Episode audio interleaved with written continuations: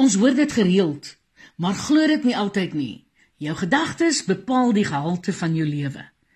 Wanneer jy in die oggend opstaan, word jou gedagtes saam met jou wakker. En wanneer jy met 'n probleem worstel, klim die probleem saam met jou uit die bed uit, dikwels met die verkeerde voet. Nog voor jy jou eerste koppie koffie vir die oggend in het, het jy jou probleem weer in sy plek ingedink. Jy herleef weer gister se emosies, die ongemaklikheid van 'n onopgeloste verhoudingsstammeletjie. 'n Taak, 'n taak waarvoor jy nie heeltemal opgewasse voel nie of dalk 'n moeilike gesprek wat jy bly uitstel. Ai, jou emosies beïnvloed jou gedagtes en jou denke en omgekeerd. As jy aanhou om dieselfde gedagtes te dink, sneller jy elke keer bepaalde emosies en stadig maar seker maak jou liggaam plek vir die gevoelens. Wanneer jy terugdink aan 'n pynlike gebeurtenis uit die verlede, maak dit vrees of angs by jou wakker en voordat jy weet, kleur dit jou prentjie van vandag en môre donkergrys. Jou lens waardeur jy na die toekoms kyk, word gekleur deur jou verlede. As dit 'n donker lens is, kan jy jou toekoms vol donker wolke maak al skyn die son helder buite. Jy weet Jesus het geweet wat mense dink. En daarom sê hy in Matteus 9 vers 4 vir hulle: "Waarom het julle sulke slegte gedagtes in julle harte?" Jesus leer ons ook in Markus 7 die volgende. Hy sê: "Luister julle almal hier na my en verstaan dit goed. Niks wat van buite af in 'n mens ingaan kan hom onrein maak nie, maar die dinge wat uit 'n mens uitkom, dit maak hom onrein."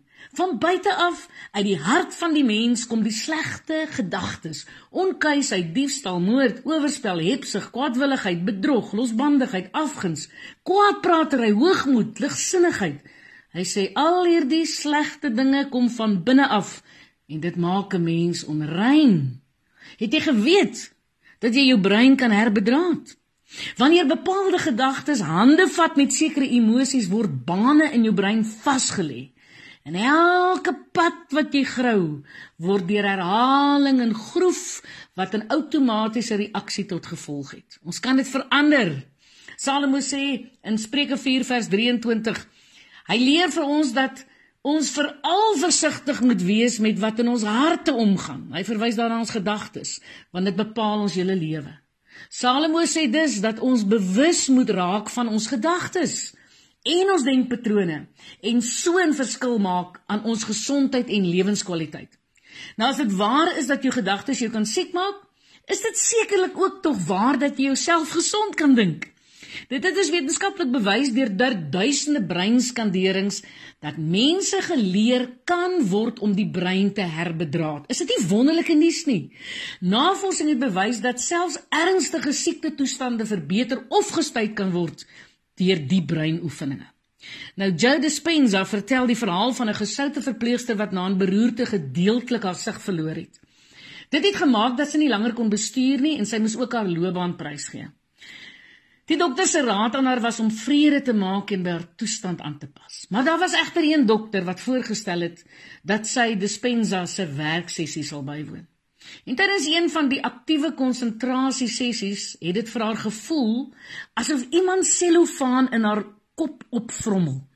Sy is die volgende dag hospitaal toe vir 'n nuwe skandering en die bewys het die medisy stom geslaan.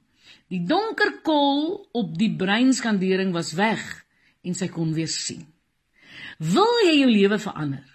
Wie wat moet jy verander? Jou gedagtes. 2 Korintiërs 10 vers 5 sê: "Neem elke gedagte gevange om dit aan Christus te gehoorsaam." Efesiërs 4 vers 23 sê Paulus: "Julle gedagtes moet nuut word, dan sal daar wonderlike dinge gebeur."